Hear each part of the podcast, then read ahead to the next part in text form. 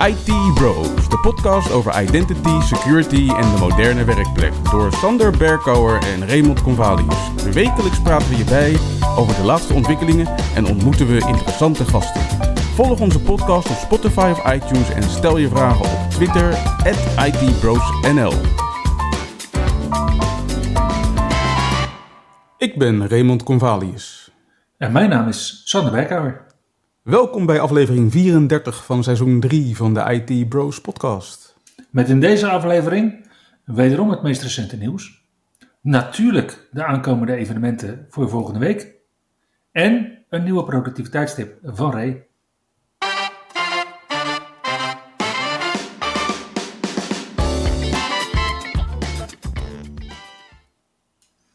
En we beginnen zoals vanouds met de Windows Insider nieuwtjes. Ja, want Microsoft was weer bijzonder actief de afgelopen week. Er kwamen van zowel het Canary Channel, het Dev Channel als het Beta Channel kwamen er nieuwe builds uit. Nou, laten we dan maar beginnen met het Canary kanaal, lijkt me. Ja, en daar had Microsoft zowaar gewoon uitgepakt met een nieuwe security feature voor Windows. Ze gaan het makkelijker maken om het gebruik van NTLM te beperken op je netwerk. Daarom komen er nieuwe policy settings. Onder de noemer SMB NTLM blocking wordt het mogelijk om het terugschakelen van Kerberos naar NTLM onmogelijk te maken vanaf je managed client. Het enige wat ik iets minder vind is dat als het dan onmogelijk is om terug te schakelen van Kerberos naar NTLM, dan krijg je de foutmelding: The network name cannot be found. In plaats van iets meer specifieks bedoel je? Ja. Ja, ik blijf me verbazen over de scenario's waarin NTLM wordt gebruikt. En wanneer ik daar dan op ga rapporteren, dan zie ik dat het meestal beheerders zijn die NTLM gebruiken, omdat ze het gewoon fijn vinden om een server bij zijn korte naam of zijn IP-adres bij de kladden te grijpen. ja. En dan denk ik, ja, stop daar dan eens mee. En als dat dan nu resulteert in de network name cannot be found, vind dat wel ironisch. Ja, ach. Ja, wel toepasselijk. Uh, in ieder geval een security feature waar heel veel bedrijfssysteembeheerders blij van worden, denk ik. Ja, dan zijn er waarschijnlijk ook nieuwe features voor de wat meer thuisbeheerders, denk ik. Uh, ja, er zit namelijk een nieuwe versie van de Clock app in deze Canary Build 25951. En die Clock app die bevat onder andere een nieuwe widget voor focus sessions, zodat je heel makkelijk een focus session vanuit een widget kan starten en weer kan stoppen. Verder zit er nog een wijziging in die vooral cosmetisch van aard is, namelijk de chat app heet vanaf nu Teams Free. Ja, en in zakelijke omgevingen is de chat-app natuurlijk al lang uitgezet, toch? Ja, dat hoop ik wel. Toch? Alright. Hey, en in het ontwikkelaarskanaal dan, Ray? Ja, het Developer Channel had beeld 23545, ook op 13 september. Daarin is Microsoft aan het experimenteren met search op de taskbar en kan je opeens Bing tevoorschijn zien komen wanneer je wat gaat zoeken. Oeh. Verder hebben ze Windows Share onder handen genomen, waardoor je onder andere makkelijk documenten kan gaan delen met je Teams-contacten als je gebruik maakt van een work of school account. Mm En als je gebruik maakt van Nearby Sharing, dan kan je je apparaat een friendly name meegeven, oftewel een vriendelijke naam, zodat mensen op het netwerk je systeem wat makkelijker kunnen onderscheiden. In plaats van dat ze je systeem even ondersteboven komen houden om te kijken wat je serienummer is, omdat de naam van je apparaat natuurlijk je serienummer is bij de meeste deployments. Dat soort lelijke dingen inderdaad. Yep, en dan de minst spannende tak van sport, het beta-kanaal. Nou ja, die kwam dus met beeld nummer 22 621.2338 en 22 631.2338. En daarin zitten twee features die ik net ook al heb genoemd voor het Canary Channel, namelijk de Focus Session widget uit de. Clock app. En dat chat vanaf nu Teams Free heet. I see. En vorige week hadden we het over een aantal applicaties die een nieuwe versie kregen. Mhm. Deze week? Eh, ja, deze week was Paint aan de beurt. Daarvan verschijnt versie 11.2306.30.0. Ook Ja. alleen in het Dev Channel en het Canary Channel. En daarin kan je vanaf nu makkelijk achtergronden verwijderen uit foto's en plaatjes. Ah, en dat zijn dus die AI-functionaliteiten waar we al zo lang geruchten over horen. Inderdaad. Hmm. En ondertussen bleef het niet alleen bij Windows, want ook Edge wordt onder handen genomen door Microsoft. En daar is toch wel sprake van een trendbreuk. Want Oh. waar Microsoft tot nu toe altijd features aan het toevoegen was aan Edge, Ja, Of- lekkere groot, grote app met lekkere, ja, lekkere bloatware. mhm, daar gaan er nu eindelijk features verdwijnen. En als je zegt En- nu, wat bedoel je dan precies? Nou ja, Edge versie 117 die staat gepland om uit te komen deze week. Oké. Dus heel binnenkort. En dan in de stable channel. Dus het beta kanaal heeft al Edge nummer 117. En in Edge 117 gaat Microsoft onder andere afscheid nemen van de Math Solver. Oftewel de wiskunde-oplosser. Mhm. Picture Dictionary, Citations, Grammar Tools en de Kids mode. En dat is blijkbaar omdat deze features bijzonder weinig worden gebruikt. Maar, mocht jij deze features gebruiken in Edge, dan is het natuurlijk niet heel fijn dat Microsoft deze verwijdert. Nee, maar ja, bijvoorbeeld de Math Solver, dat is er wel eentje die stop je tegenwoordig gewoon in een AI-toepassing, zoals ChatGPT of Bing Chat. Mhm. En ik denk dat de Picture Dictionary ook niet iets is wat je echt vaak zal gebruiken vanuit de browser.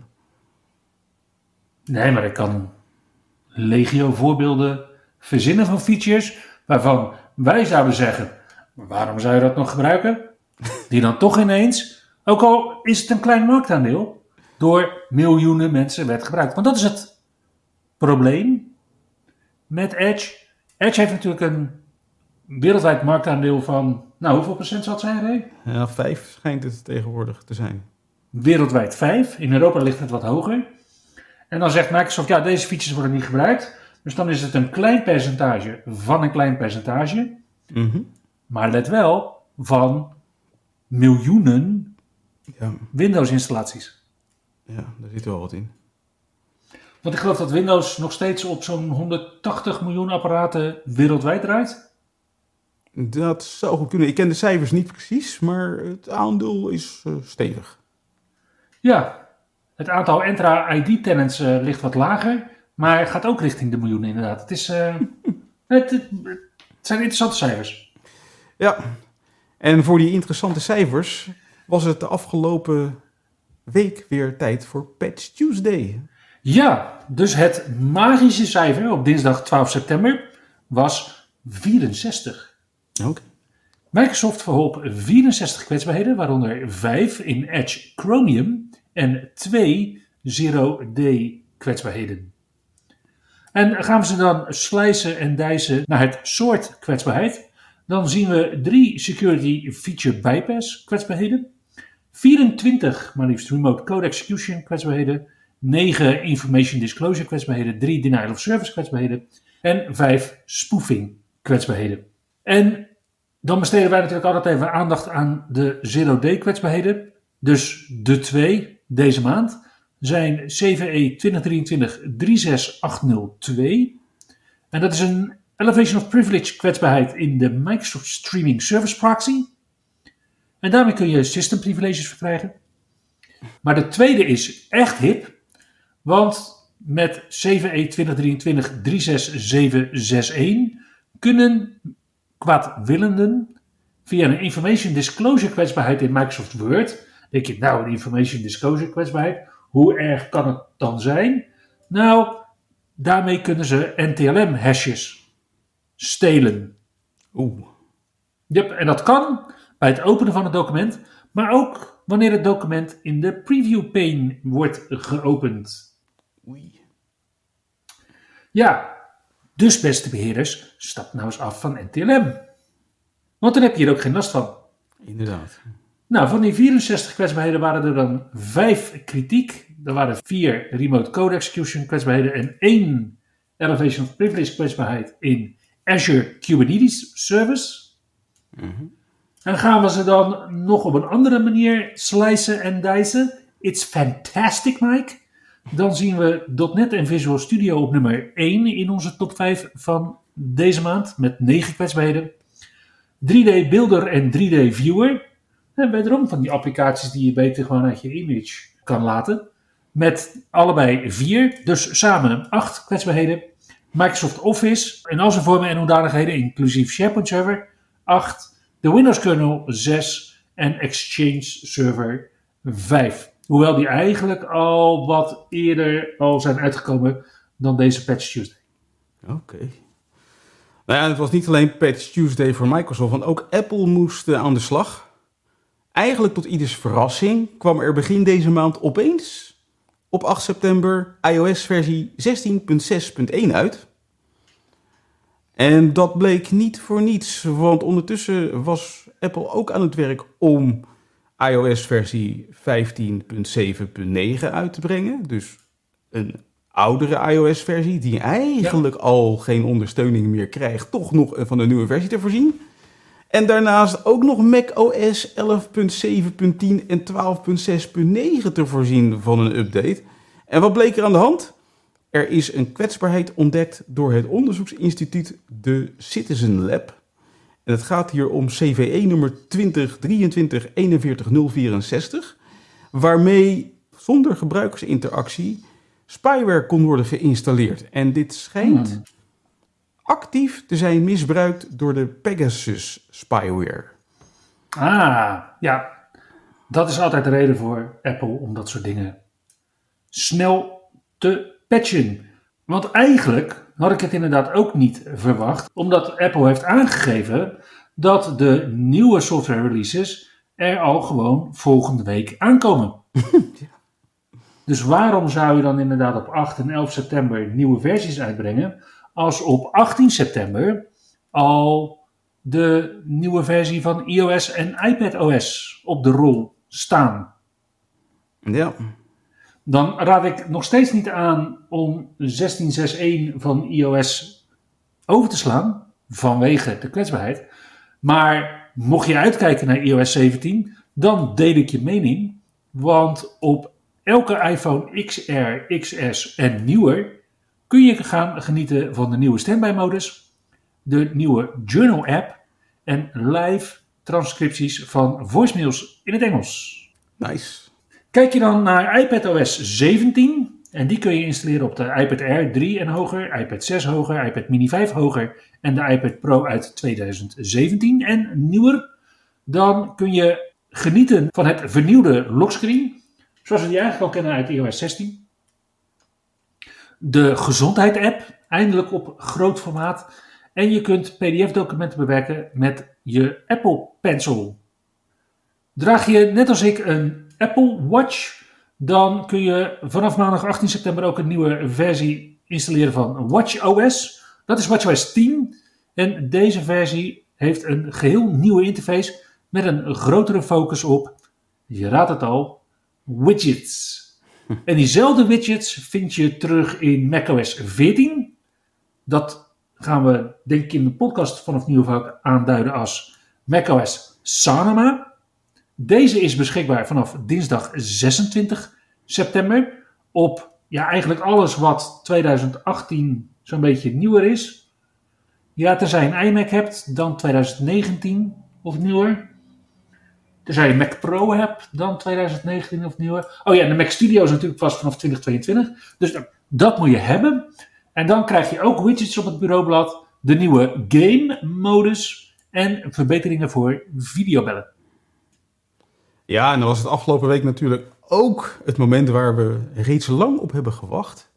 Namelijk het grote evenement waarop Apple zijn nieuwe hardware heeft aangekondigd. Ja, en dat gaan we dan nu behandelen, zodat we volgende week de nieuwe Microsoft hardware kunnen behandelen, toch?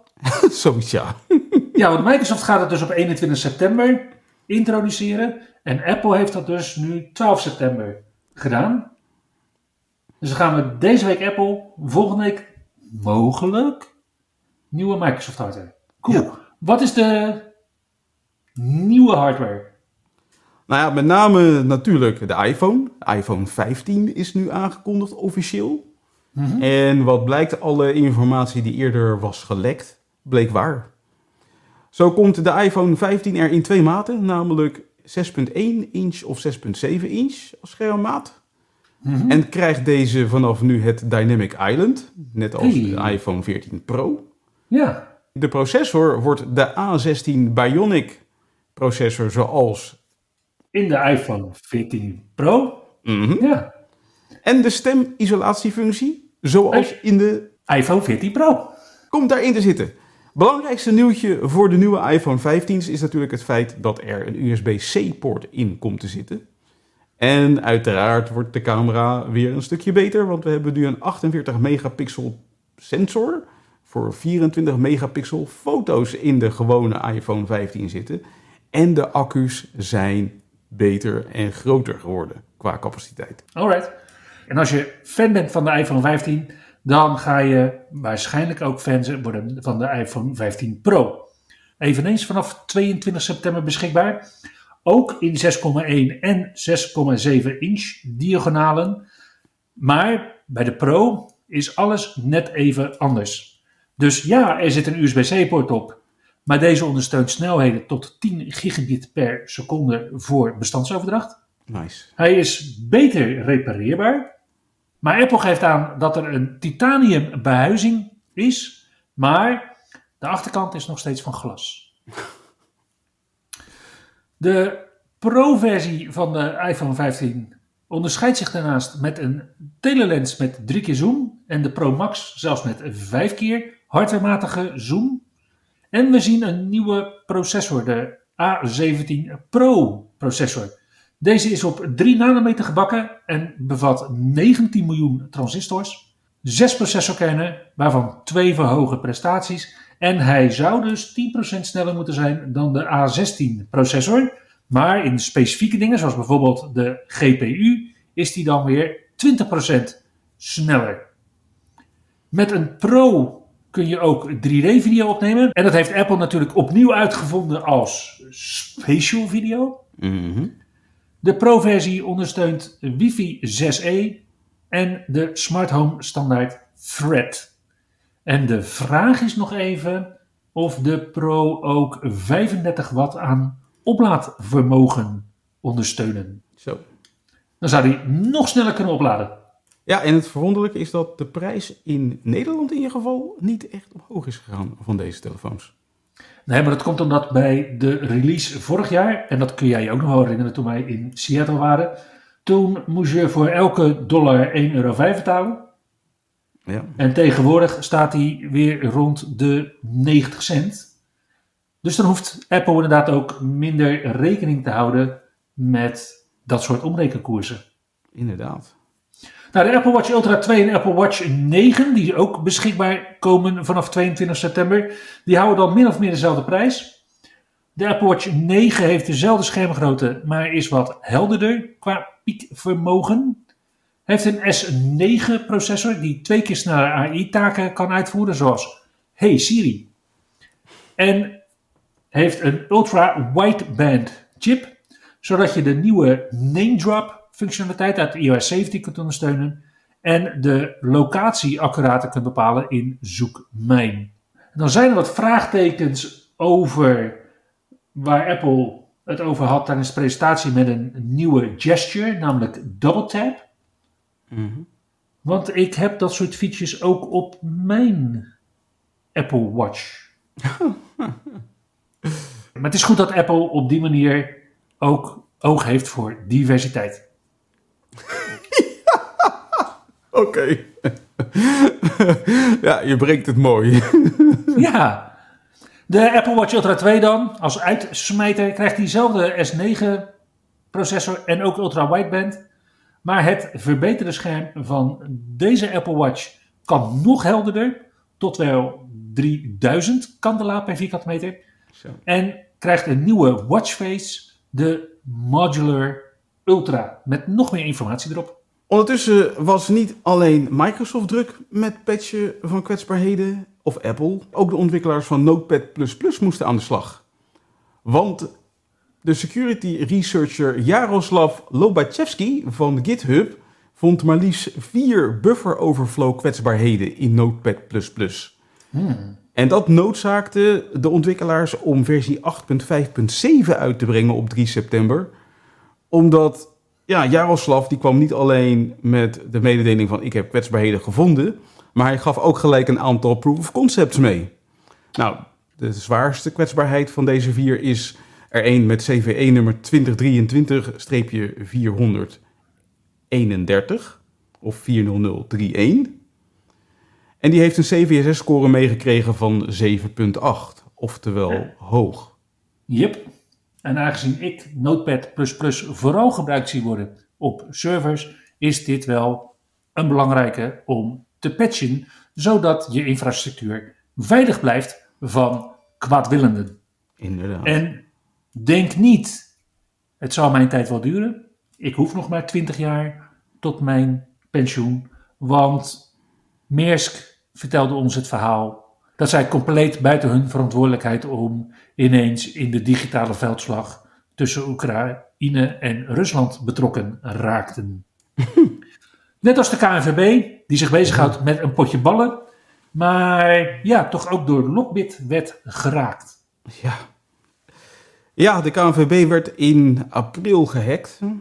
En gaf aan van dat de buitgemaakte bestanden persoonsgegevens bevatten waarvan de verspreiding gevolgen kan hebben voor de persoonlijke levenssfeer van betrokkenen.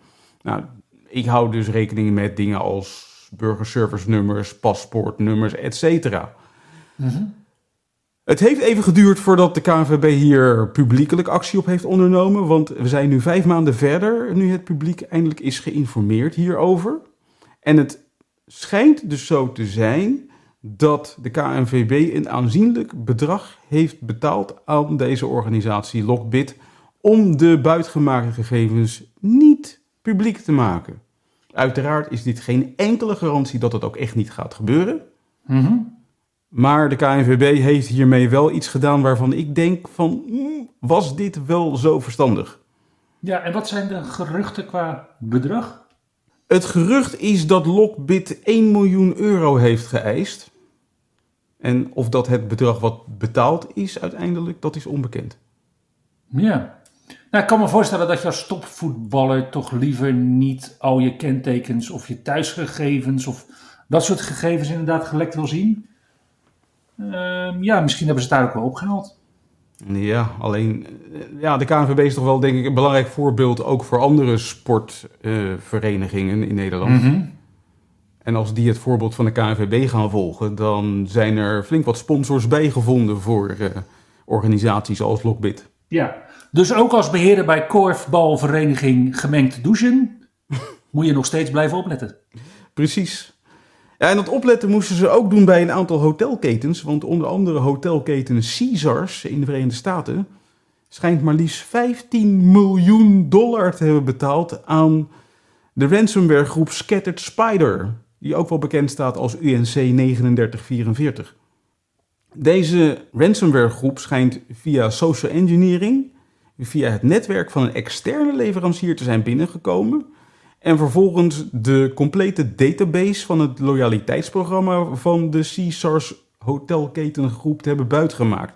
Met daarin onder andere rijbewijsnummers en burgerservice-nummers van een groot deel van de klanten van deze organisatie. Oei, ja, want deze week hoorden we ook dat MGM Resorts International gehackt is door dezelfde groep. Ja. Ja, en daar lagen of liggen de systemen plat, waardoor de gokmachines niet kunnen worden gebruikt in hun casino's, boekingssystemen niet beschikbaar zijn, er problemen zijn met digitale kamersleutels en het e-mailsysteem ja, soort van eh, niet bereikbaar is. Ondertussen is de FBI een onderzoek gestart naar deze hack. En het is nog niet bekend of MGM Resource International ook gaat betalen aan deze ransomware groep. Maar ja, gezien de impact ben ik bang dat het daar wel eens op uit kan gaan draaien. Ja, en zoals je zei, is betalen geen garantie dat er geen gegevens worden gelekt. Want we zien steeds vaker dat ransomware gangs niet alleen de systemen versleutelen en op die manier dan geld vangen om de betrokken systemen weer terug te brengen in hun originele staat, maar dat zij inderdaad ook geld proberen te vangen bij het afpersen van de organisatie om gegevens te delen, maar naast het afpersen van de organisatie zelf ook soms achter individuele klanten aangaat. Ja.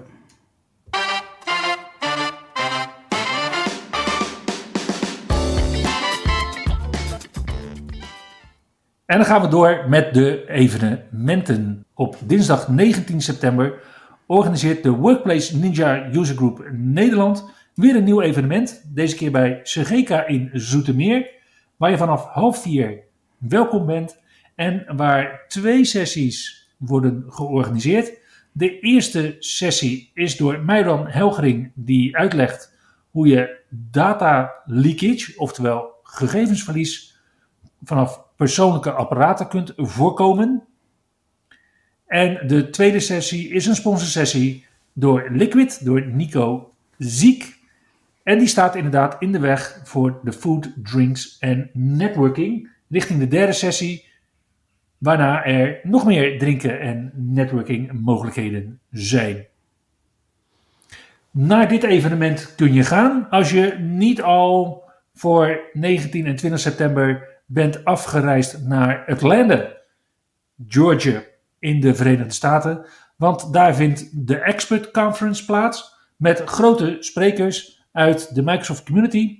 Waaronder Tony Redmond en Mary Jo Foley en Paul Robichaux. Maar ook wat meer lokale helden zoals Microsoft 365 Services MVP Michel de Roy. Vriend van de show Thomas Naunheim. En natuurlijk Michael van Horenbeek. En als je dan toch in Nederland bent gebleven, dan kan je op woensdag 20 september van 9 tot half 5 terecht bij het automatiseringsgids, oftewel AG Techfest. En dat Hmm. wordt gehouden in het Werkspoorkathedraal in Utrecht. Met diverse interessante bijdragen, waaronder die van Brenno de Winter. En als ik dan naar de agenda kijk, dan snap ik waarom het AG Techfest zich het zakelijke techfestival van Nederland noemt. Want het programma is wel echt heel divers en er zitten ook wel heel aansprekende sessies bij. Zoals bijvoorbeeld hoe identificeer je fake nieuws of hoe een printerfabrikant helpt om niet meer te printen. Of hoe beweeg je een ander in zijn onbewuste brein? En als je dan toch niet naar het Techfest gaat op woensdag 20 september, dan kan het zo zijn dat je had gekozen om naar de AWS Community Day te gaan. En die is van 9 tot 6 in Tivoli, Vredenburg, Utrecht. En ik zeg, als je dat niet al had besloten, want het evenement is al uitverkocht. En als je nu nog besluit om te willen gaan, kom je terecht op de wachtlijst. Ja, en wil je dat voorkomen voor de Workplace Dudes Summit nummer 2 op 4 oktober, dan is 20 september ook je laatste kans om daarvoor aan te melden. Op zaterdag 23 september van 12 tot 7 uur is het dan tijd voor het ZVVT ICT-event. En dat staat Het- voor Zwarte Vrouwen voor Technologie ICT-event. Cool. En dit is een evenement wat open staat voor iedereen die interesse heeft in een carrière in de tech. Nou, er vindt een diversiteit aan sessies plaats. Zowel in het Nederlands als in het Engels. Met onder andere workshops. How to get a non-tech role in tech. Of prioritize simple and fast. Maar ook telling the truth about AI. Dit evenement vindt plaats in die extra maal in Amsterdam Zuidoost. De kosten vallen mee. Kaartjes zijn verkrijgbaar vanaf 13 euro voor de hele dag. En inclusief eten betaal je 26 euro. Cool.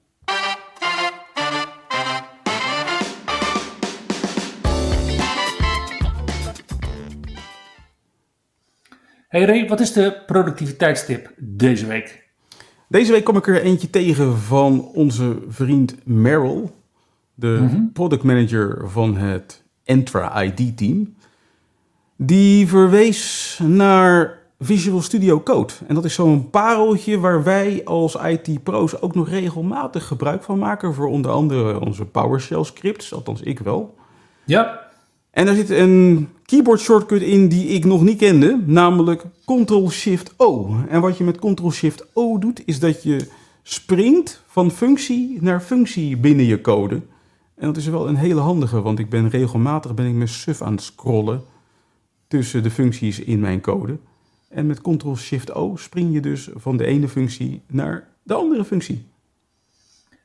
En deze tip werkt natuurlijk ook op je Mac. En daar is het dan niet Ctrl-Shift-O, maar Command-Shift-O. Inderdaad. En daarmee komen we het einde van aflevering 34 van seizoen 3 van de IT Bros podcast. Dankjewel voor het luisteren. En tot volgende week. Tot de volgende keer. Je luisterde naar IT Bros, de wekelijkse podcast over identity, security en de moderne werkplek. Abonneer je op Spotify, iTunes of Google Podcast als je de volgende aflevering niet wilt missen. Heb je hints of tips? Laat dan van je horen op Twitter. @itbrosnl